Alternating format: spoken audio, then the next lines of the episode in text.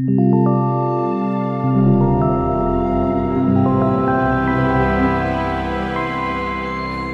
och välkomna till Akademiska smådåd. Det här är en podcast för er som baserat på tidigare erfarenheter kan inducera vad jag kommer... Mitt namn är Simon Skau och jag befinner mig i Göteborg. Aha, jag trodde det blev fel. Okej, okay. jag heter Kristoffer Sundberg och sitter i Lödöse. Jag heter William Henrik Thomsen och sitter i Göteborg. Um, vad fint att det blev. Jag trodde du kom av dig. Ja, jag med. Men uh, jag, hoppas lyssnaren kommer förstå vad Simon sa nu um, efter det här avsnittet. För det var lite kul. Uh, Tack, jag fick lite kul. Ja, men jag är också fundersam. Jag funderar på om det stämmer eller inte. Så jag vet. Uh, men... Innehållet i strukturen, jag vet inte vilket som är viktigast för att kunna göra indexeringen. Det är sant. Men uh, jag tänkte jag skulle börja med att inducera ångest eller existentiell ångest igen och ställa en, en, en sån här kick-off-fråga till er så vi det är därför vi är här. Känner, känner oss avslappnade. För vi alla har tänkt på äh, forskning eller så här, filosofiska eller vetenskapliga frågor. Och äh, jag vill veta vad är en idé ni har haft som ni insåg väldigt snart därefter var bara jätte, jättedum. Så jag kan ge ett exempel för någonting jag gjorde idag. Och ja, jag skäms över det här ganska mycket. Uh, så ni kan tänka lite under den här tiden, ni kan underhållas av uh, mina konstiga tankar. Uh, jag var ute och gick idag och det började regna. Och jag var nyfiken, det var någon sån här regndropp som hamnade på min, på min axel. Och jag började tänka på historien bakom den här regndroppan. Så här, vart har det här vattnet kommit ifrån? Um, och sen började jag tänka på forskning som har, som har haft så här, kameror runt katter och kollat på vad katter håller på med i olika sina områden och de tiden hittar på massa spännande saker. Och det var kanske 15 sekunder där jag tyckte jag kunde lägga en kamera i en vattendropp och se vad och följa den på något sätt runt världen. Och jag insåg efter de här 15 sekunder att jag var jättedum. Att man kan inte lägga en kamera i en vattendropp och följa den. det var ju... Så jag så, det var en cool tanke ändå. Men så här, det hade inte kommit upp igen. Men, men um, har ni något så liknande spontan känsla av dumma tankar ni har haft? Som så här, Shit, det här är en smart idé, det här kommer vara jättebra. Ni, folk kommer vara jätteimpade över min idé här. Och sen inse väldigt snart därefter, shit, jag har jättefel. Nej, jag var... Eh, jag har nej. en... Eh, nej, självklart inte. Nej, men jag hade, lik, eller så jag hade ett, ett, ett tankefelslut likt ditt här nyligen. Eh, om, om vatten, jag kommer att tänka på det. Jag var och snackade med en polare som menar att man ska bada i hav hela tiden och jag tycker man ska bada i sjö. Den eviga diskussionen som man stöter på på folk från västkusten. Så berättade jag att jag var och badade här i Göteborg uppe på någon sjö väldigt högt upp. Um, och så säger min kompis, ja men det är massa fiskar och grejer. Jag bara, nej nej. Det är klart, klart det inte finns några fiskar i den sjön. Så här, det finns fiskar. Nej, men den är så högt upp. Hur skulle fisken komma upp dit? Tyckte jag. Och hon bara så här, jag vet inte hur fiskar kommer upp till sjöar. Så jag, men nej, men, de, så här, nej, men du fattar väl att det, då måste de bli planterade. Annars, alltså om, om sjön är tillräckligt högt upp och inte finns någon eh, vattenström upp så kan inte fisken liksom hoppa upp. Så, så började jag liksom ge exempel på massa sjöar. Det här skulle inga fiskar kunna finnas. Och här skulle inte kunna fiskar kunna... Till slut så hamnade jag i någon reduktar och absurdum att så här, det finns inga fiskar i sjöar.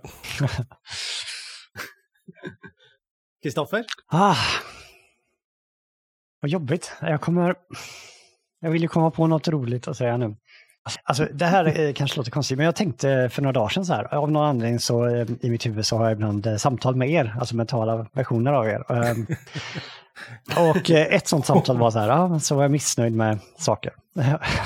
Du var missnöjd med hur vi, prat, hur vi svarade. Ja, och så här, och så tyckte ni vissa filosofer var bra som inte jag tyckte var bra. Och så tror jag någon svarade, ja men vad tycker du är bra? Och så fick jag så här tänka att, ja men jag måste, alltså att jag vill gå ännu längre tillbaka i historien fick jag för mig då att, för om jag tyckte Kant var fel, jag tyckte massa av de där på 1900-talet var fel, jag tyckte 1800-tal, Hegel, nej det var ju fel är det ända tillbaka till Lock jag vill gå då? Liksom, men så insåg jag att nej, det är inte heller rätt. Så insåg jag att jag tycker den absolut bästa filosofin som någonsin har gjorts, äh, har, har gjorts de sista eh, äh, 20 åren. Alltså det är nu det händer.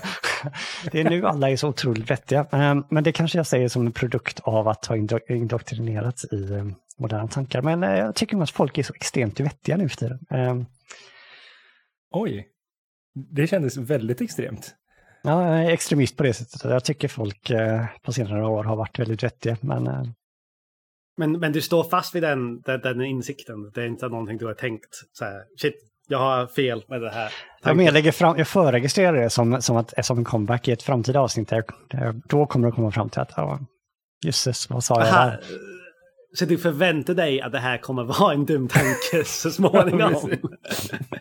Men just nu tycker du det är en jättebra idé. Så, så vi fångar dig mitt i det här um, jättestor självförtroende. Det här är en bra, det här är en bra, det här är en bra tid. Men jag, det är nu jag det händer. Tyckte jag kunde på något sätt lägga vatten, en kamera i en vattendroppe och följa den. det är där jag är nu. Um, ja, men nu har jag orsakat tillräckligt med existentiell ångest så nu kanske vi kan gå över till ämnet för idag. Så förra gången var det abduktion och nu är det induktion eller induktionsproblem. Och det är, Sim, det är Simon som, som ska berätta lite om det här och kanske om olika induktionsproblem och sen kanske specifika induktionsproblem och vi får se vart vi hamnar sen.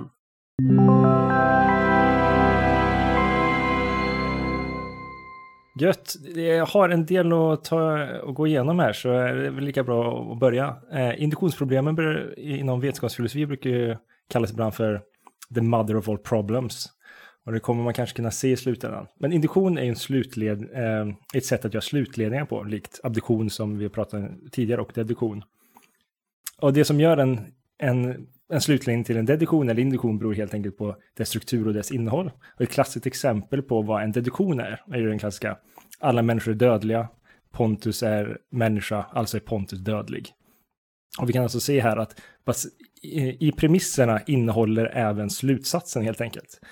Eh, och det spelar egentligen ingen roll i en deduktion om den är eh, om, om premisserna stämmer eller inte. Den följer helt enkelt i alla fall som säger att alla människor är vithåriga, Pontus är människa. Därför är Pont, det kan vi kalla slutsatsen att Pontus är vithårig. Så i en deduktion så vet vi då helt enkelt att alla men, eh, att om vi accepterar premisserna så kommer vi också acceptera slutsatsen. Eh, och deduktion är väldigt bra och intressant och så, men vi vill ju gärna kunna säga något nytt. Och där har vi då bland annat, som vi har pratat om, abduktion, men också har vi induktion. Induktion eh, har en annan typ av struktur som innebär, eller vi har, alltså premi, in, i premisserna så ligger inte slutsatsen inbyggd. Som till exempel, några Pontus har, eh, är vithåriga. Vår vän är en Pontus. Slutsats, vår vän är en vithårig en. Ehm, så här, här, I det här fallet så kan vi faktiskt acceptera premisserna men inte acceptera slutsatsen. Um, så med induktion så kan vi alltså helt enkelt inte vara 100% säkra, säkra på någonting. Men, um, men det intressanta här är att vi har ju fortfarande en känsla av om vi träffar tillräckligt många personer som heter Pontus, så känner vi att vi, ett, vi, kan, liksom, vi känner oss berättigade att säga någonting om alla Pontusar. Även om vi vet att vi inte kan vara 100% säkra. Så vi har den här känslan att desto mer Pontusar vi ser, desto mer vet vi, no eh, desto mer säkra kan vi vara på någonting. Eh, så fanns den här härliga filosofen David Hume som faktiskt spräckte hål på den här känslan och la fram vad som kallas då induktionsproblemet. Och han, han visar att det finns även massa saker som vi har så extremt mycket eh, information om så kan vi aldrig vara helt säkra. Till exempel, vi kan aldrig med 100% säkerhet säga att oavsett om jag har kastat upp pontusar i luften tusen gånger så kommer nästa gång jag kastar upp en pontus i luften att han ramlar ner. Eh, och eh, då kanske du vill argumentera här att eh, du kommer in och säger att ja, men, eh, jo, men vi kan veta att, Pont att Pontus kommer falla ner, till luft, falla ner nästa gång på grund av vetenskapen har visat att gravitation fungerar och liknande. Men, mitt mitt heliumballong heter Pontus. precis, en heliumballong heter precis. Men nu är det ju så...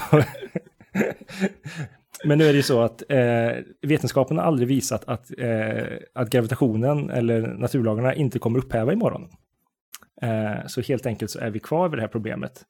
Eh, så, så för att summera Humes problem är hur, hur mycket information eller evidens du har, alltså säga hur många pontusar du nu har, så kommer vi aldrig vara 100% säkerhet kunna säga någonting om nästa pontus. Det vill säga att få, att, att få evidens för en, en generalisering är extremt svårt, eller enligt Hume då helt omöjligt egentligen. Så då har vi William här som kommer in, trots det eh, Hume sa, han accepterade Hume sa, vi kan inte ha 100% säkerhet, så känner vi ändå att eh, desto mer evidens vi får så känns det som vi kan bekräfta en generalisering eller förutsäga någonting om framtiden. Och nu kommer jag prata om ett, nämna ett litet svårt ord som heter ekvivalent. Och någonting, två saker är ekvivalenta om allting, om man kan byta eh, ut dem mot varandra och allt är sant för båda sakerna samtidigt. Typexemplet är ungkar och ogift man. Så till exempel påståendet Pontus är ungkar och Pontus är ogift man är alltså ekvivalenta påståenden. Ehm, Okej, okay, så vi, William har ju då den här känslan av att desto fler Pontus han ser som har vitt hår, desto säkrare är han på sin generella teori eller generalisering och eh, eh, förutsäger i framtiden att alla Pontusar kommer ha vitt hår. Alltså varje instans av Pontusar eh, som han ser ger han alltså evidens att de har vitt hår. Men om det är sant så kommer också det ekvivalenta påståendet. Allting som inte är en Pontus är icke vitthårig. Också vara sant. Men det skulle då innebära att till exempel strumpan jag har på mig som är svart är evidens för påståendet icke-pontusar har icke-vitt hår. På samma sätt som en, en vithårig pontus ger evidens att, pont, eh, att alla pontusar har vitt hår. Eh, det här är kanske löjligt, säger William. Ingalunda, säger Barbro. Och det man visar dem med det här exemplet är ju helt enkelt att Eh, i kontrast till vad Hume sa eh, så är det väldigt extremt lätt att få evidens för en generalisering eller en förutsägelse om världen. Där Hume menar att det var extremt svårt och omöjligt. Men ett problem med den här grejen är ju att även min svarta strumpa ger ju inte bara evidens för att alla pontusar är vithåriga, det ger ju även eh, för generaliseringen eller teorin att alla pontusar är eh, grönhåriga eller blåhåriga eller alla tomater är aliens. Det vill säga, eh, eh, datan är alltså evidens för alla, eller för väldigt många olika typer av teorier. Eh, eh jag skulle alltså helt, helt enkelt kunna bedriva en, en livslång Pontusforskning genom att bara sitta i mitt kök och peka ut saker och ting. Men nu blir Kristoffer väldigt upprörd. Kristoffer tycker att ja, men så, så, här vill vi inte ha det, så vi måste liksom sätta lite restriktioner på någonting. Om vi ska göra Pontusforskning, som Simon säger att han vill göra här, så måste vi bara tillåta honom att titta på pontusar. Eh, han kan inte hålla på att peka på strumpor som han höll på med. Så han får bara titta på pontusar. Eh, nu är det så att Kristoffer, han har radat upp alla, alla pontusar som någon någonsin har träffat och alla är vithåriga. Och nu kan han dra slutsatsen att alla pontusar är vithåriga. Eh, men nu kommer en annan förluring som heter Nelson Goodman och han säger nej, nej, nej. Var, varje pontus du hittills har sett har varit vitar. Vitarhårig. Kristoffer rynkar på pannan och säger vad fan betyder det? Vad fan betyder det? vad betyder det? Jo, vitar, det är en färg och det innebär att eh, vitar, eh, något är vitart om man har sett det innan år 2021 och det är vitt. Eller man ser det efter 2021 och det är svart. Nu blir Kristoffer lite provocerad och han tar fram alla sina all, eh, all, alla exemplar av pontusar som någon någonsin har sett och radar upp dem och säger titta här nu Goodman här är alla, eh, alla pontusar här är vithåriga.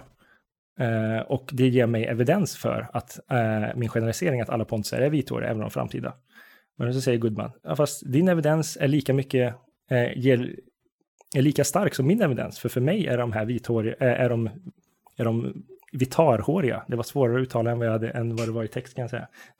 de är vitarhåriga. Problemet som dyker upp här är att vi inte kan lösa den här teoridiskussionen genom observationer. För Kristoffers, eh, pontusar ger lika mycket evidens för Goodmans teori. Problemet är att Goodmans teori och Kristoffers teori ger olika förutsägelser i framtiden, alltså vad som, eh, vilka pontusar vi kommer kunna säga någonting om i framtiden. Eh, nu kommer William in med en invändning här. Men, men, men nu är det ju så, du kan ju inte snacka, Goodman, du la ju in tidsbegreppet i när du snackade om vitart. Det är en väldigt konstig, färger kan inte ha någonting med tid att göra. Eh, här kan man ju då eh, se hur man kan formulera om de här ord, eh, orden, likt Goodman då gör i eh, den här kända filosofen Goodman, eh, genom att säga, va, jag har inte lagt in, i mitt språk så har vi vitar eh, och vi har även svartit. Alltså svartit betyder då Eh, svart innan, eh, svart, eh, om man har observerat en färg och den är innan eh, 2021 och den är svart eller efter 2021 och den är vit. Och i mitt språk så upplever jag det som att ni byter färg. För mig så har ni lagt in en tidskomponent i ert ord, för ni säger att något är vitt om man har sett det innan år 2021 och det är vitart, eller man har sett det efter 2021 och det är svartit. Så vi kan helt enkelt inte kritisera Goodman i det här fallet för att han har sagt att eh, eh, lagt in en tidsdimension, för det beror helt enkelt på vilket perspektiv man kommer ifrån. Här har vi sammanfattat då tre problem. Vi har till exempel att med, i, med induktion eller mother of all problems som vi sa, Hume som visades först, han sa att vi, vi kan aldrig vara säkra på att våra generaliseringar och våra förutsägelser stämmer. Sen kom Hempel, eh, som jag nämnde förut, som pratade om den svarta, med de svarta strumporna. Han pratar om något som kallas för kråkparadoxen, eller Raven paradox. Nästan till vad som helst kan ge evidens för, nästan, eh, för våra generaliseringar och förutsägelser.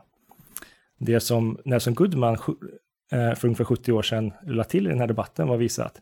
Och med sam, eh, samma data ger lika mycket evidens för teorier som ger helt olika generaliseringar och förutsägelser. Ja, det var en populärvetenskaplig sammanfattning av induktionsproblemen. Jag måste göra ett viktigt tillägg här för lyssnarna. Ja. Pontus är inte död. Så Simon säger att han är dödlig och sen pratar han om att kasta upp honom i luften. Så, men Pontus är alltså så vitt vi vet inte död. Han har bara viktigare saker för sig. Så det var liksom, fanns ingen som helst... Och han har absolut inte vitt hår heller. Det kan men, äh, men alla pontusar hittills det, har ju vitt hår. Så vitt vi vet, vi har, vi har inte... Men ja, ja. det kanske märks att Simon saknar Pontus i det här avsnittet. från den här monologen som var äh, jättebra. Jag tyckte det sammanfattade alla tre ja, tre problem ganska bra. Mm. Alltså så vi har, vi har Hume och vi har um, Hempel och vi har Goodman. Och Hempel, vilket kanske inte var uppenbart, men det var det här med de fåglarna då. Eh, mm. Korparna. Eller, inte krockarna. Eller svarta strumporna i, i mitt fall. Ja. Så, det, så det, det är så här, att jag kan gå in i mitt kök och att jag har en brödrost som inte är en, en, grå, en vithårig Pontus är evidens på att alla Pontus är vithåriga. Precis. Så, så vi kanske börjar bara lite enkelt efter det här, men vad tycker ni är mest provocerande kring, för, för vi alla, alltså jag tror, anledningen vi pratar om induktionsproblemen är ju för att alla vill att induktion ska fungera. Det är, det är ingen som är emot induktion som princip, om jag förstår, om, ni kanske säger emot mig, men jag tror att alla vill kunna generalisera. Det är ja, ju någonting som vi vill kunna göra. Um, så spontant, vilka av de här tre olika problem tycker ni är mest intressant? Och sen vilken är så här, praktiskt svår, svårast för kanske forskare idag? Eller så här, när man jobbar med induktion som man måste ta hänsyn till? Okej.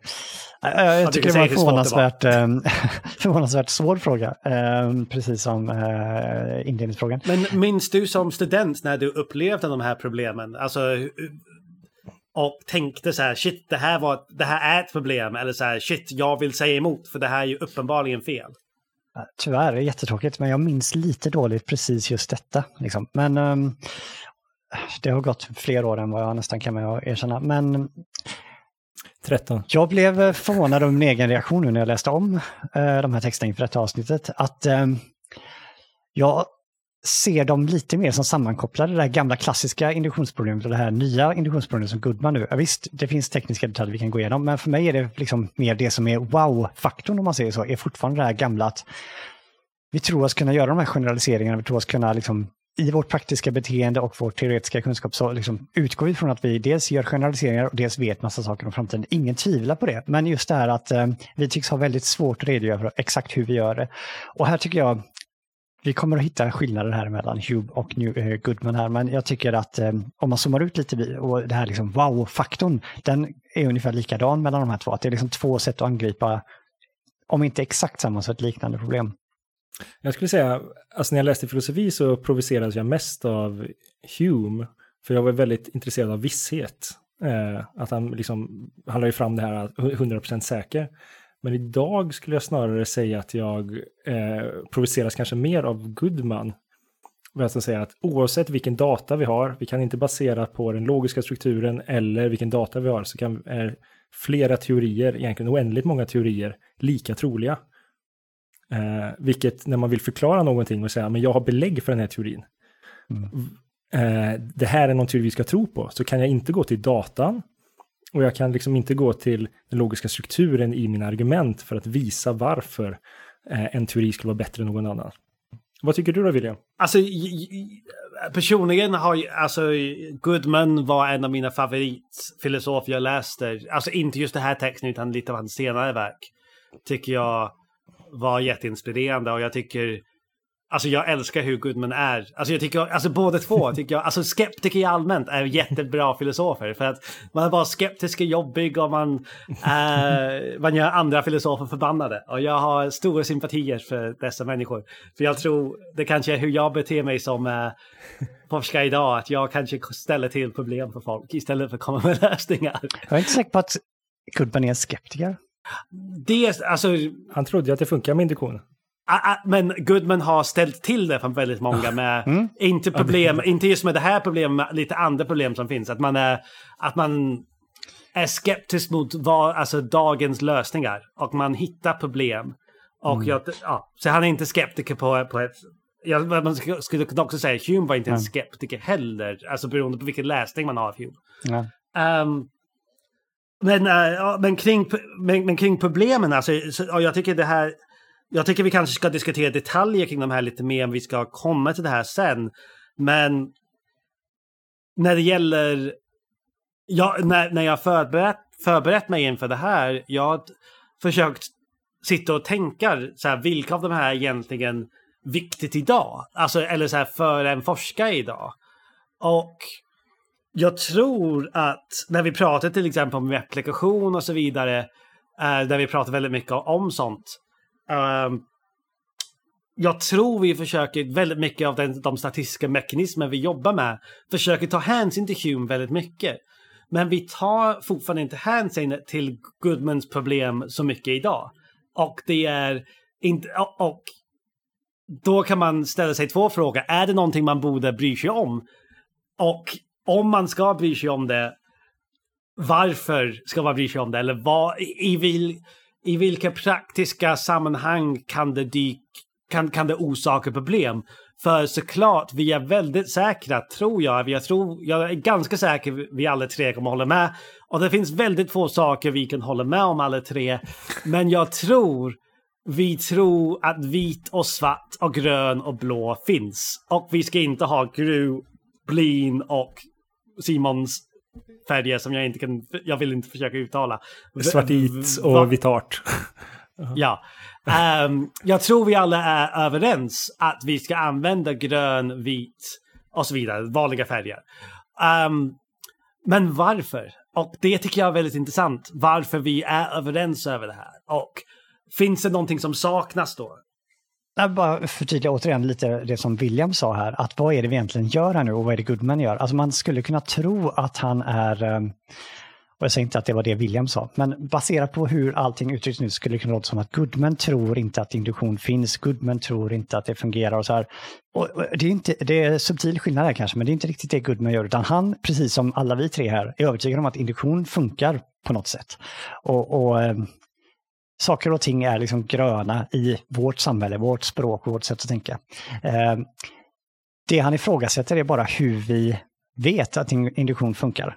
Det är inte så att han, han vill eh, säga att det inte fungerar, det är snarare så att folk har trott att det ska vara enkelt att liksom förklara hur sådana här induktiva slutningar fungerar. Och han är väldigt duktig på att visa att de traditionella sätten som folk har trott att det fungerar, inte fungerar. Och på ett sätt upprepar jag bara här nu vad William sa, att hans han, uppgifterna nu lägger fram till oss är att vi ska förklara, komma på med en, en förklaring till hur det fungerar som vi alla vet att det fungerar. Um, Nej, alltså jag håller med dig nu. att um, Jag försöker inte säga att Gunnar var någon skeptiker. Jag håller helt med dig angående... Och det var inte en, en, en, protest mot det, det var bara jag tänkte så här pedagogiskt sett så, här, så kanske lyssnaren tänker att ah, här har vi en filur som, som har hittat på ett jobbigt tankeexperiment som ska visa att induktion inte fungerar. Och det är inte exakt det han inte vill fungera utan det är snarare så här att vi vet att det fungerar, vi har den här intuitiva känslan. Men han visar hur otroligt svårt det är att visa hur det fungerar och inte nog med det. Det här är lite svårt tycker jag för att han jobbar ju i en specifik historisk kontext, 50-talet här i Amerika. Och några av de här sakerna kanske är lite mindre aktuella idag. Men just där i perioden fanns det liksom en, en rörelse som trodde att det här var ganska lätt att lösa det här problemet med hjälp av vissa logiska verktyg. Och en specifik sak med hans text är att han väldigt effektivt raserar det projektet. Eh, men när han gör det så lär han oss moderna lyssnare också någonting viktigt. Men, men kanske kunde, skulle det vara okej för er eller är det en onödig liksom, omväg? Men att vi går tillbaka liksom verkligen eh, och igen till det här induktionsproblemet och eh, vart han börjar, Goodman. Men det kanske, det kanske kan berätta lite mer om det här kontexten på 50-talet då. För... Ja, det här blir ju lite upprepning vad, vad Simon har sagt, men det har ju funnits på 1900-talet en stark rörelse där man liksom tycker att eh, empirism är något väldigt bra. Liksom det här med erfarenhet ska på något sätt grunda eh, vår kunskap. Och eh, ja, det verkar ju vettigt, men det finns ju en hel del saker som vi inte har en erfarenhet av, som vi gärna vill kunna säga att vi vet saker om. Och vissa saker som till exempel logik och matematik, de är ju uppenbart inte liksom baserade på vetenskap, eller förlåt, erfarenhet. Men då fanns liksom så här goda teorier om hur sånt där fungerar, deduktion och sådär. Så, så det väl kändes som att okej, okay, vi har erfarenhet och vi har liksom logik och deduktion och sådär. Okej, okay, bra. Men så har vi de här induktiva slutningarna som Simon nämnde, de här generaliseringarna som går bortom vad vi direkt har upplevt. Och de verkar då väldigt suspekta i den här miljön. Så vi behöver liksom en eh, politiskt korrekt i det samfundet eh, eh, redogörelse för hur de fungerar. Och det var en hel del forskare då som, återigen Simon redan har nämnt, Carl Hempel och andra som tyckte att de var någonting på spåret, att det här kanske inte var så himla knepigt som det verkade. Genom att använda liksom deduktion och sådär så, så har vi liksom en teori om hur vi kan komma runt det. Vi kan liksom hitta någon sorts logisk struktur, alltså att de här slutledningarna följer en sorts schema som, som vi kan förstå och oskadliggöra så att det inte är lika så här, eh, verkar lika mystiskt. Och det är någonting som den här Goodman då väldigt effektivt lyckas visa på eh, allvarliga problem. Och ett sånt här väldigt pinsamt problem som även eh, Hempel själv, den här förespråkaren, var att eh, genom lite logiskt trickeri och sådär så kan man liksom få vilket påstående som helst att stödja vilket annat påstående som helst. Och vi skulle kunna upprepa det en gång till, de här logiskt ekvivalent och sådär. Det, det är väldigt knepigt, men slutsumman är i alla fall att det får den pinsamma följden att om man följer deras projekt så kan vilket påstående som helst eh, stödja vilket annat påstående som helst. Och den här pinsamheten eh, kommer Goodman sen via det här eh, märkliga exemplet med färger kunna visa är en sorts påstående som man kan generera på nästan vilket, vilken observerbar eh, egenskap som helst så kan man trolleria för att få eh, de här pinsamma följderna. Så alla de här sätten vi trodde att vi kunde stödja induktion eh, visar sig vara felaktiga. Jag tyckte det som Kristoffer sa nu var jättebra, eh, men men så, så, nu har vi pratat lite om alltså, GRU-problemet som är det här med vit och svart och i Goodman. Varför vi säger GRU för att det är GRU. Jag vet inte om vi har sagt det här, jag har hackat lite det här samtalet. Ja, alltså GRU är egentligen exakt samma sak som uh, vad Simon sa med vit och svart. Uh, ändra färg vid en viss tidpunkt förutom han använder ordet green och blue. Och det med GRU och blin. Så när, om vi säger grew så är det, är det ekvivalent med Simons tidiga exempel med vit och svart. Så bara så lyssnarna vet det, om vi börjar, börjar babbla om grew, det betyder samma sak som är vit och svart. Um, så, uh, så nu har vi klargjort det här. Vi kanske ska komma tillbaka till de här klassiska invändningarna. Mot, alltså vi har pratat lite om vad problemet gör, varför, vi, varför det här problemet finns, vad den gjorde i den, den historiska kontexten. Och Tycker du vi behöver klargöra problemet något mer eller ska vi komma till de här invändningarna som all, som jag, alltså Kristoffer sa förut, det är bara så en paragraf i slutet av Goodmans text. Men jag tror alla kommer, kommer tillbaka här, men Gru mm. och Bleen är ju mycket svårare och, än Green och Blue. Jo, men det kan ju um, vara väldigt viktigt. Så, så ska jo, men... vi komma till det eller behöver vi klargöra något mer först? Jo, men jag kan, jag, jag jag tycker vi ska gå in på det, för att det, det är ju det, för att hans, det han visar är att eh, induktion verkar inte, det verkar, vi tror att det fungerar, men det fungerar inte baserat på sin logiska struktur eller baserat på sitt innehåll. För han visar att GRU och grön då är, är, fungerar lika bra. Eh, och då fungerar induktion på något annat sätt. Och ett sätt att försöka rädda det här på, som väldigt många har gjort och som många försöker Alltså hur ska vi bevara stoltheten i induktioner, hur ska vi bevara vår förståelse om det inte är på grund av dess logiska struktur eller vid innehållet i påståendena som gör att induktionen är viktig. Eh, då försöker man ju försöka hamra in att hans exempel inte funkar. Eh, så att det är därför man, man varför det blir intressant. Varför funkar inte han, eh, varför känns det som att hans exempel inte borde funka? Jag tänkte bara kanske innan vi går på motexemplen, bara ta det en gång till vad det är, mm. vad jag tror han försöker göra. För vad är egentligen the new riddle of induction? Vad är liksom den nya gåtan? Jag tror att det han explicit säger i sin text är att gåtan är hur vi skiljer laglika från eh, tillfälliga eh, samband. Okej, okay, vad betyder det? Okej, okay, men ta ett påstående. All koppar leder elektricitet. Det är ett påstående, ett generellt påstående. Okej, okay, så nu tittar jag på en bit koppar. Och så säger jag att den här leder elektricitet 1. Titta på en ny koppar. Den här leder elektricitet 2. Och bägge de två, nu har jag tittat på två exempel, de stöder liksom det allmänna påståendet all koppar leder elektricitet. Okej, okay, det ser ju bra ut. Okay. Men om jag går in i ett rum och så säger jag, jag tror Simon har åtminstone en storebror. Du kanske har fler syskon? En, okej. Okay. Jag går in i ett rum och där står Simon och så tittar jag på exemplaret, Simon, okej, okay, han är eh, andra barnet. Då har jag ett exemplar, Eh, personen i detta rummet, eh, den här människan är andra barnet. Och så vill jag dra slutsatsen, alla människor är andra barnet. Okej, okay. den som än hör det påståendet inser att det här är ju helt tokigt. Jag kan ju liksom inte gå från ett påstående om, jag, jag tittar på en Simon och, och liksom säger att detta stödjer hypotesen om att alla människor är ett andra barn. Det ena är ju uppenbart, liksom, eh, verkar syfta på en lagbundenhet. Liksom att all kopparledig elektricitet. Är någonting... Goodmans favoritord här är liksom eh, law, lawless, alltså vad är, vad är det egentligen han säger? Lawful, eh, law-like. Eh, det är en lag... Kanske? Jag vet inte. Ja, alltså en lagbundenhet som, som vi observerar.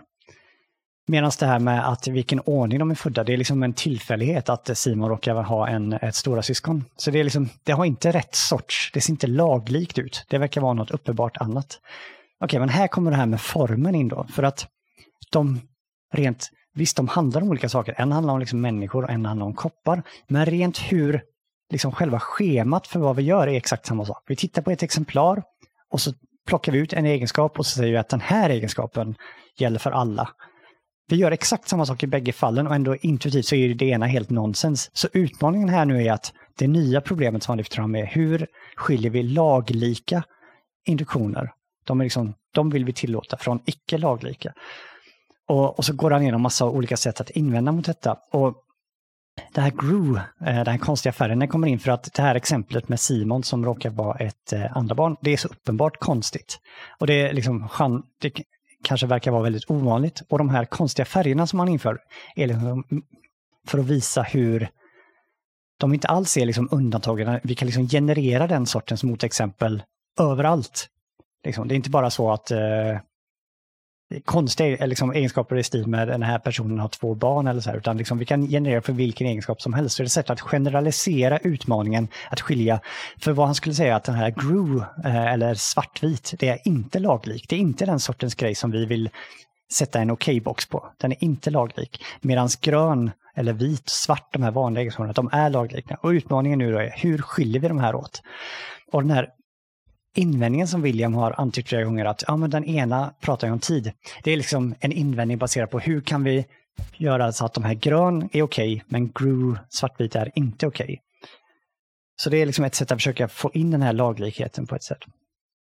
Um, förlåt om det tog lång tid, men jag tyckte det kanske var viktigt. Det är ändå trots det när Goodman själv säger det, the new riddle of induction, nämligen hur skiljer vi laglika samband från icke. Mm. Men ska vi gå in på jättebra, jag gillar det verkligen. Ska vi gå in på kritiken? Nej, för Goodman förutspår ju att folk kommer tycka det här är jättekonstigt. Liksom. Att det, det, måste ju vara självklart att Gru, det är något fel med Gru, men inte med grön. Och han går igenom fyra stycken i sin text, men den sista är väl den som de flesta tycker är bäst.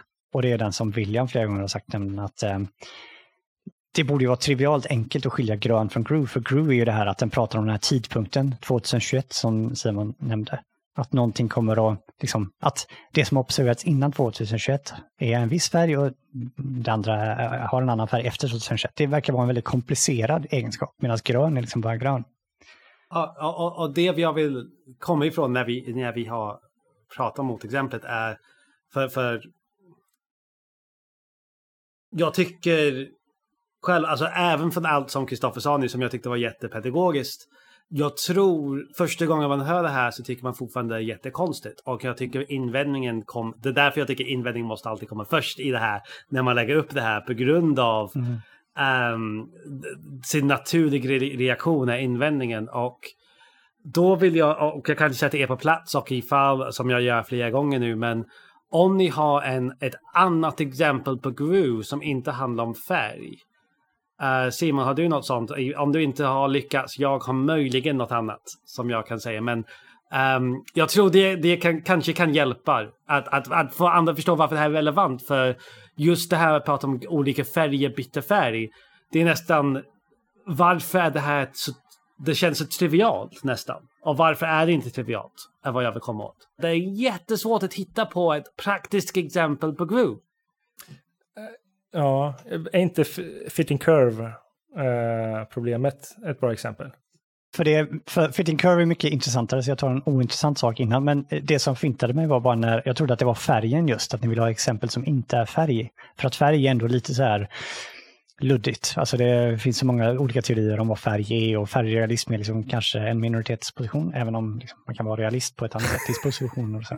Men eh, alltså, problemet kan ju lika gärna uppstå med liksom mer köttiga egenskaper. Så eh, den här Folke Tersman råkade jag läsa lite grann om, om grovproblematiken och han har liksom ett exempel där han pratar om en, en smargås som är en sammansättning av smaragd och gås. Och det är liksom det är inte, alltså smaragd är ju liksom lite mer substantiellt än bara färger. Så han, hans exempel är då, en företeelse är en smargås om och bara om den antingen är en smaragd och har studerats före julafton 2021 kan man säga. Eller om den inte har studerats före julafton 2021 och är en gås. Ehm, en sak kanske att lägga till här då som jag trodde nästan Simon skulle nämna för att Simon sa det i ett samtal till mig, men ehm, det, det, är, det går att göra exemplen med, med tanken att de förvandlas från grön till blå och så vidare. Men det, saker kan ha de här egenskaperna utan att de någonsin förvandlas. Alltså att det bara är observationerna som görs före så om vi observerar den här eh, smaragden före 2021 så kan det fortsätta vara en smaragd efter 2021 också. Det är bara det att vi har observerat den före 2021 och, och likaså om vi tittar på något som är en gås efter 2021 så kan det vara en smargås ändå. Eh, men jag tror ändå att det, det går också att göra exempel med förvandling, att någonting förvandlas från en smaragd till en eh, eh gås.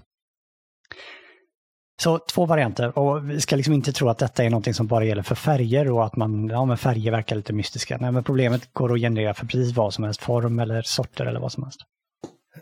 Ja, ja det är sant. Ja, men det var bra att du, att du särskilde dem. Ehm, men man kan säga, det, det exemplet som man brukar säga i, i litteraturen där det här påverkar, eller så här, ett, ett exempel där det finns i vetenskapen också, är vad som kallas the fitting curve problem. Och jag kan tänka er att ni någon gång under våren eller sommaren har satt på nyheterna och, och så har ni sett på, på statistik från corona.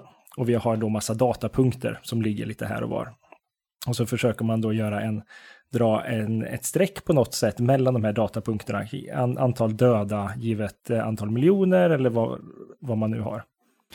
Eh, eller givet an, antal döda givet eh, hur många som har testats eller liknande, eller hur många insjukna givet hur många som är testade för coronaviruset. Så har vi ett antal datapunkter och så har vi då en linje som ska dras här. Och den här linjen då är också en, en förutsägelse av vad som kommer hända härnäst när vi får nästa datapunkt, nästa dags data helt enkelt.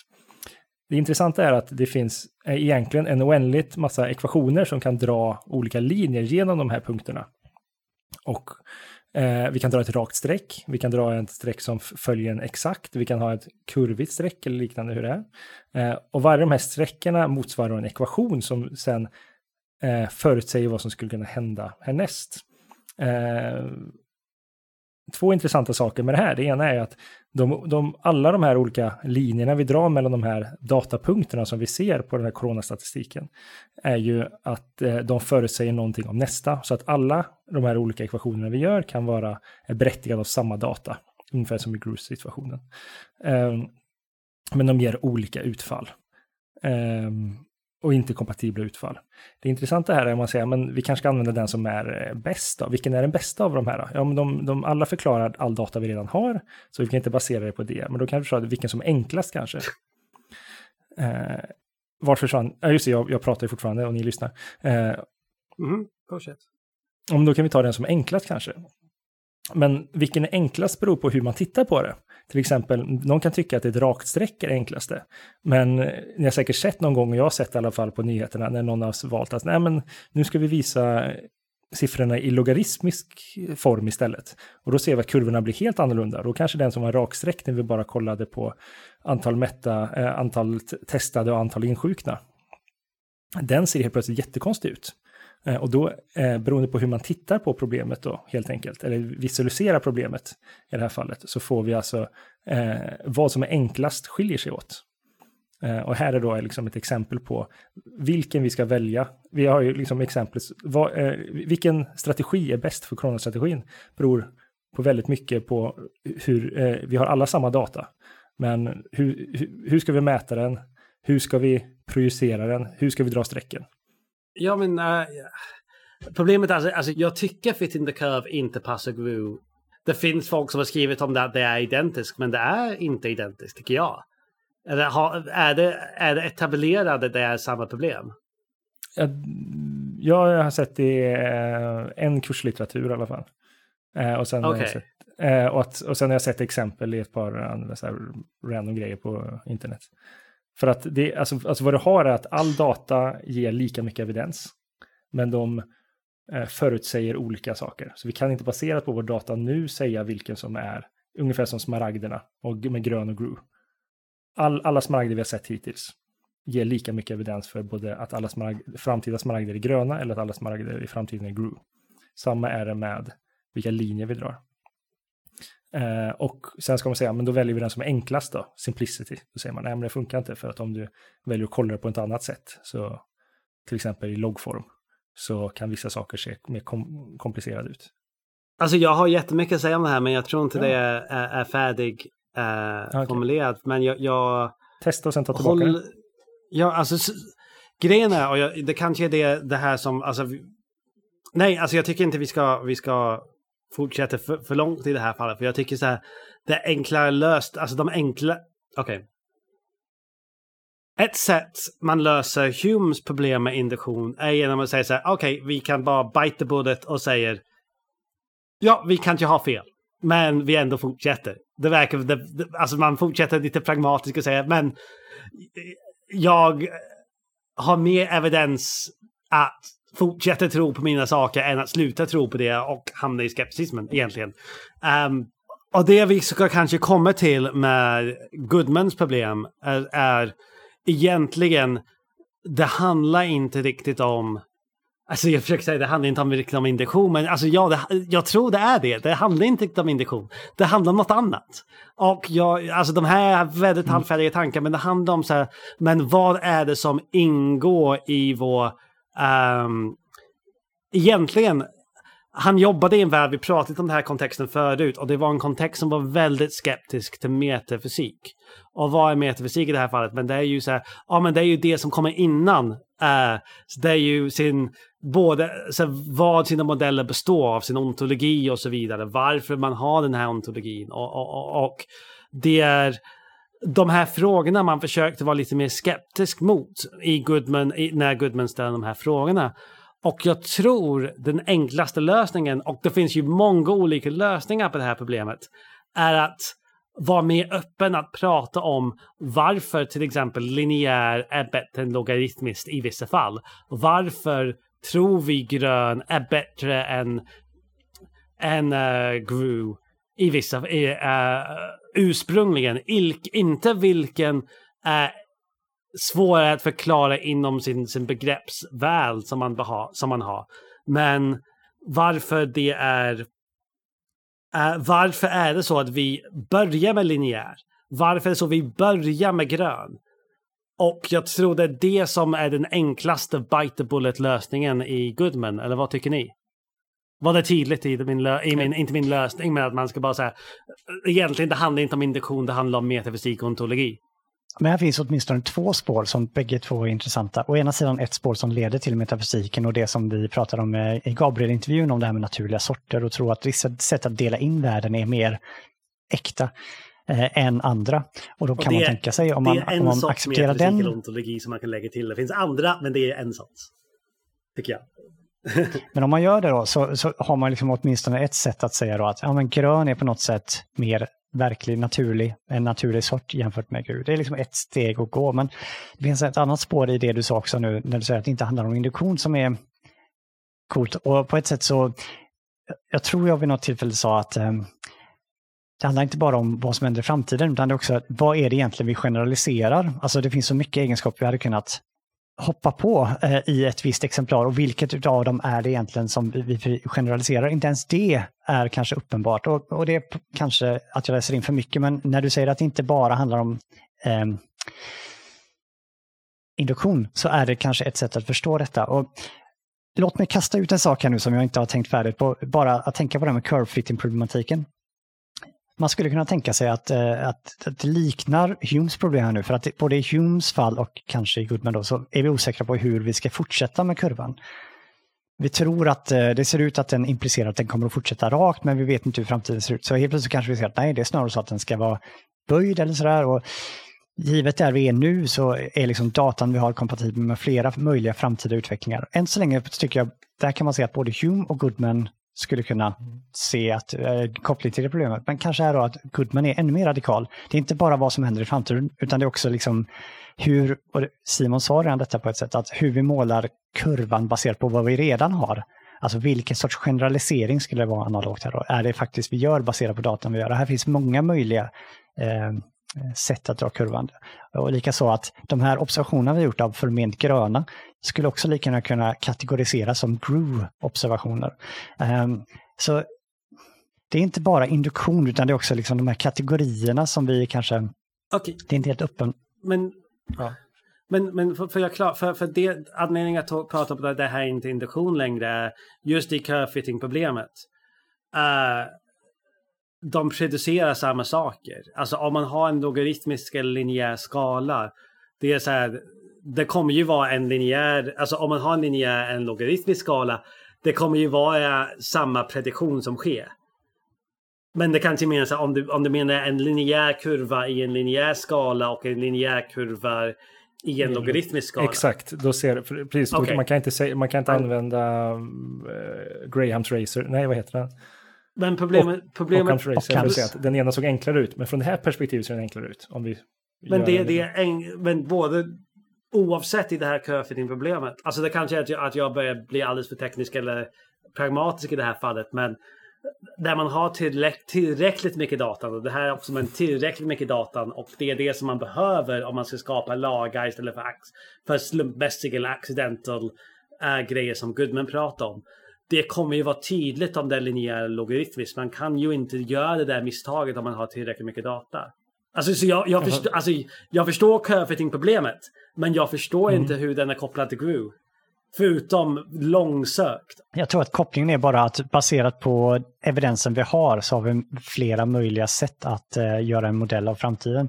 Och precis som i Groove-fallet får vi bara vänta till uh, ett visst årtal så ja, jag vet inte varför jag blev så provocerad av, ett, av ett uh, Fit the Curve är egentligen Groove. Alltså jag, uh, det, det, är enk, enkelhet består av olika saker än, än det. Och, och jag vet att jag förmodligen är irriterad på människor som gör dålig statistik. Och man skulle möjligtvis kunna säga det är Groove-problemet men Jag tycker inte det. Jag tycker inte det är det. Och ja, men... om det är det, om det är det, det är inte en induktionsproblem, det är en ontologiproblem. Eh, och det är väl lite, vad heter det, um, hans, hans poäng också. För att i, i, i, hans, hans kritik av induktion här är ju både strukturen och innehållet. Vi kan inte veta vilka saker vi ska lägga in i den här. Va? Alltså jag förstår. Um, men utan att lägga, alltså man kan inte förstå vilken modell är rätt inom sin egen modell. Om, om jag förstår det rätt. Alltså man kanske kan ha evidens utanför. Eller vad tycker du? Nej, kan man, alltså... Till exempel, kan vi ha evidens att green är bättre än Gru? Jo, jo, alltså så här, jo, jo, jo, jo, nej, okay. alltså inte, inte, vi kan, alltså så här, nej, vi kan inte ha evidens och det är det själva poängen är, att evidensen är ju smaragderna i de här fallen, eller datapunkterna. Eh, men, nej, men, det, men nej, det, det är två olika frågor. Är det här objekt grön eller är det objekt grew? Är en fråga. Och en ja. annan fråga är, är grön en, en bättre begrepp än grew? Ja, det är och, två helt olika okay. frågor. Ingen av dem är Goodmans för att frågan är aldrig om den här smaragden är grön eller grå. Utan snarare Alla, om ja. ja. Mm. Nej, men eh, så här, jo, jag håller helt med uh, om att grön är bättre. Men uh, att luta sig till, uh, som Goodman vis visar, att det är enklare är svårare att säga än vad man tror. Alltså vad som är enkelt är ungefär som du sa, något som är enkelt kanske måste innehålla massa variabler. Fast har vi inte bytt, så här, vad bety hur, hur ska vi komma fram till vad enkelt är? Och nu slog det mig att vi kanske aldrig ens tog upp den här invändningen egentligen om att eh, Groove är mer komplicerad för att innehålla en temporal aspekt. Jag nämnde lite i början om det. Jag tror att det finns, det finns en väldigt intressant skillnad här och det kanske blir lite tekniskt. Och, um, men det som jag är kanske lite besviken med Goodman, eller det som jag tycker, alltså såklart att säga så här, och om vi använder färger som Gru och blin. så är färgerna green mer komplicerad än vår egna begrepp. Det, det köper jag. Och det tycker jag, det, det här invändningen som folk har svårt att, att, att förstå ibland. Men och i vår, i vår begreppsmängd, vi tycker att green och, Äh, för, förlåt, green är jätteenkelt. Men vi tycker grew och bleen är jätte, jättejobbiga begrepp. Men jag tycker det som är intressanta är varför använder alla kulturer i världen grön? istället för Gru. Och det blir så här, varför? Och det är en annan fråga. Det är inte så här, vilken är, svår, vilken är den svåraste begrepps äh, att förklara med sina egna begrepp. Det är utan så här, vilka begrepp börjar vi använda? Men kanske och, inte nästa, nästa kultur som vi inte, upp, upp, som vi inte träffat på.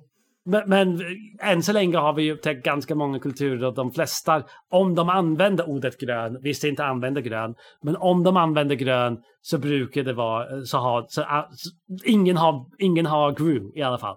Vissa inte har lika många Nej, färger, okay. men ing, ingen har lagt till en, en temporal dimension där färgerna kommer ändra, eh, färgerna kommer ändra betydelse eller referenspunkt om ett par år. Och mm. jag tror därför att det, finns, det, det, är en annan fråga om enkelhet. Så enkelhet har två olika betydelser här som är kanske lite gömd. Ena är, är det lika enkelt att förklara den andra, en annan sorts begrepp med sina egna begrepp? Ja, alltså då är det ekvivalent. Men vilka sorts begrepp har, tenderar vi att använda given vår, vår värld vi har omkring? Och då är de inte ekvivalenta längre. Jag menar, en sak är att man kan eh, lära någon grön indexikalt, alltså genom att peka på det. Grön. Det är liksom en observa eh, observationell egenskap. Ja. Um, liksom, och det är liksom ett uppenbart sätt att skilja grönt från groove. Problemet är ju att eh, det här är inte riktigt... Nej, för det, man, kommer, man kommer peka på, varje, på samma objekt. Eh, nej, snarare vad jag, när jag läste om detta så är det snarare så att eh, även om vi skulle säga att det tillåter oss att rädda grönt från groove så har vi liksom massa vetenskapen och vardagen använder, refererar till massa egenskaper som vi anser är lagbundna som inte kan peka på. Så att även om det skulle rädda färger så liksom utmaningen från Goodman kvarstår. Men jag menar, det är ett exempel där liksom de är väldigt enkla att lära sig. Man kan bara peka på exemplar och liksom ska... grön.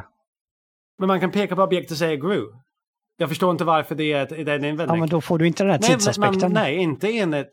Alltså in, inte om man jobbar inom grew begreppsvärlden. Man kan bara peka på ett objekt och lära barnen men det där grew, det där grew, det där grew. Ja, men ditt... Jag tror du menar, Kristoffer, att om vi tar en vittisk Wittgensteiniansk, eh, jag vet inte vad de kallas, de här som bara hammare, de här som har lärt sig ett språk, som lär sig genom obstruktion, så skulle man aldrig kunna lära någon obst, ost, ostentativt att någonting är, eh, att något är eh, grew, eftersom de kan bara se här och nuet. Men vi kan eh, tänkandemässigt komma fram sen när vi har massa koncept till grew, men vi skulle aldrig kunna här och nu lära oss grew. Så tänk efter då 2021. Nu har vi liksom passerat tiden T och så pekar vi på en blå. Alltså, om den är blå eller blin beror ju på om någon har eh, iakttagit den innan T1 eller inte. Och det kan vi liksom inte, vi kan inte se om den har blivit iakttagen innan eller inte. Men inga utav, alltså en invändning som, alltså jag är inte helt, alltså, jag tycker precis som de flesta att naturliga sorter, det är liksom inte en gratis lunch så att säga. Det är liksom inte någonting, det, alltså det är därför jag vill ha ett avsnitt om det någon gång, för att eh, jag behöver liksom eh, tänka lite där. Men jag tror att i princip alla inom vetenskap och vardagen och allting, vi utgår från att verkligen är liksom strukturerad. Och man kan tänka sig då att ja, men naturliga sorter är okej, så vi tillåter generaliseringar på naturliga sorter. Men även där är det lite knepigt för att vi tillåter, precis som med färger, om vi skulle godkänna att grön är okej. Vi, tror jag, vill godkänna generaliseringar som lagbundna eller som rätt sorts induktiva slutningar, även om det inte är självklart att det är naturliga sorter. Och I och för sig kan vi vara lite mer tillåtande, vi kan tala om mentala sorter, vi kanske vill införa sociala sorter som har liksom en, en lite mer komplex ontologisk struktur men som ändå är liksom inte bara godtyckliga. Men risken är ändå att vi vill tillåta några sorts induktioner som inte låter sig in, hantera sorter. Så det är inte säkert att sortinvändningen hjälper och, oss heller. Jag tror det, det, det, är just när man tar det här från en induktions till en, till en ontologisk problem, jag tycker det, det är då det kan ha relevans för vetenskap idag. För jag kanske är på väg, vi måste avrunda någon gång snart. Uh, och, men men så, så, då vill jag komma kanske till det praktiska. Så här, vad, kan Gru, vad kan Gru göra för oss idag? Och jag vill bara så föreslå, alltså gå tillbaka, alltså vi alltid pratar om så här kognitiv neurovetenskap i den här podcasten, så jag ska, ska göra det såklart. Och um, det finns uh, ett ontologiskt problem angående hur vi, vilka begrepp vi ska ha som vi, och hur vi ska lägga dem på hjärnan. Så till exempel, letar vi efter uppmärksamhet i hjärnan eller letar vi efter spatiell uppmärksamhet till exempel? Så vilka, vilken nivå av begrepp eller vilken sorts begrepp? Till exempel, är arbetsminnet samma begrepp som uppmärksamhet? Vad är kognitiv kontroll? Samma, samma sak som exek, alltså exekutiv funktion. Och det finns många begrepp, många så här, när vi går tillbaka till det här populärpsykologiska, eh, vad heter det, eh, populärvetenskapliga avsnittet, när vi pratar om folkpsykologiska termer. Vi har många termer som vi vill förklara till vår psykologi. Och eh, jag tror det är möjligtvis det här Gru kommer in. Att till exempel man kan ha två teorier, en som har exekutiv funktion och en som har kognitiv kontroll. Och båda två kan, kan använda samma evidens och förklara sina egna modeller. Och det, så, så när man använder GRU som en ontologisk ett ontologiskt problem istället för en induktivt problem, då har det relevans. Men jag, så det är, det är ungefär min slutsats av att läsa om och tänka på Goodman, Goodman, äh, Goodman igen. Men vad tycker ni om det här att man ska... Äh, vi har precis pratat om det kanske är möjligtvis ett ontologiskt problem, men det här med relevansen, vad tycker ni om det? Um, alltså det problemet du tar upp tycker jag är jättespännande. Jag har lite så här osäker, inte så att jag vill invända, men jag är osäker på om det är samma problem som group-problematiken. Men jag känner mer att oavsett om det är det eller inte så är det, du tog upp ett väldigt intressant problem. Jag bara noterade själv att eh, Goodman i slutet på sin text inte anser att det här group-problemet är relevant, varken för vardagen eller för eh, vetenskaplig eh, research. Han liksom frågar ju sig själv där att behöver vi lösa detta problemet? Eh, räcker det inte att vi har liksom en intuitiv eller eh, eh trots att vi får groove-problematiken, och han säger att ja, men vi get along well enough without them in daily life and in scientific research. But if we seek a theory at all, we cannot excuse cross and all. Eh, Okej, okay, men då säger han att eh, liksom rent, och vill vi förstå vad induktion är och hur det fungerar så, så kan vi liksom inte undgå de här problematiken. Men han tycks mena att här, vi klarar oss alldeles utmärkt i vetenskaplig praxis utan så Ja, alltså så här. Jag gillar verkligen problemet du tog upp, William. Jag har alltid tänkt på det i paradigmtermer på ett annat sätt än GRU-termer. Men jag gillade GRU. Eh, alltså i och med att det, kommer olika skolor snarare. Eh, med olika. Eh, det, det, är intressant det du tog upp. Men är GRU och paradigm samma sak? Skulle man kunna se, säga dem som nästan ekvivalenta ibland? Alltså jag förstår inte det frågan. Alltså om man jobbar inom en viss paradigm och man, man jobbar med, med om man har så om två personer jobbar i två helt olika paradigm med varandra där de har definierat alla sina begrepp annorlunda. är det samma sak som till exempel en forskare som använder begreppet grön och en, en forskare som använder begreppet grön. Mm. Och varje instans de ser säger om det här mm. eh, genererar... Ja, det här är evidens för min paradigm, eller så här, inom ja. min paradigm. Så paradigm är mer så paraplybegrepp över de ontologiska um, äh, ontologiska commitments man har gjort äh, inom, sin, inom sin paradigm. Jag förstår kopplingen. Jag förstår kopplingen. Alltså det som liknar det är ju att två stycken kan titta på samma data och hamna liksom ah. och se det på olika sätt. Så det finns ju en likhet där. Strikt talat så är ju i Konda så är de ju dels antagonistiska, de säger emot varandra. Man kan inte ha bägge två samtidigt, men å andra sidan så är de ojämförbara. Men Gru kan vi ju liksom... De kommer med inkompatibla förutsägelser angående framtiden. Men det gör paradigm också oftast. Alltså där man ska välja vilken paradigm man ska välja. De kommer till slut leda till de kan förklara sina, de har olika uh, förutsägelser om framtiden. Men... Um... Jag antar att vi får ta det någon gång. Vi får ta ett relativismavsnitt. För det är ju det absolut största problemet med kon och relativism. Just det här med inkom antagonistisk inkommensurabilitet. Att de ska vara ojämförbara men samtidigt ska de säga emot varandra. Men om de talar om olika saker men, då kan de inte säga emot varandra. Förlåt, vi avbröt dig Simon när du berättade om din äh, grej om, om när du håller på att svara. Alltså, mm, jag håller med att det, det intressanta man får med av den här, eller det är två saker jag får med som är intressant när jag tar upp och läser det här. Det ena är som sagt, att, vilket jag gillar, att vi, vi kanske borde prata om det metafysiska och ontologiska. Vad betyder våra begrepp? Hur, hur rotar vi dem? Vad, finns de sakerna vi mäter eller inte? Är det vettiga saker? Kan vi generalisera de här grejerna? Eh, och där tycker jag vetenskapen borde göra mer och det är väldigt viktigt. Det, det andra som kommer ibland är ju den här tanken som även kom upp kring abduktionsavsnittet eh, vi hade. Så här, men hur mycket induktion gör vi egentligen?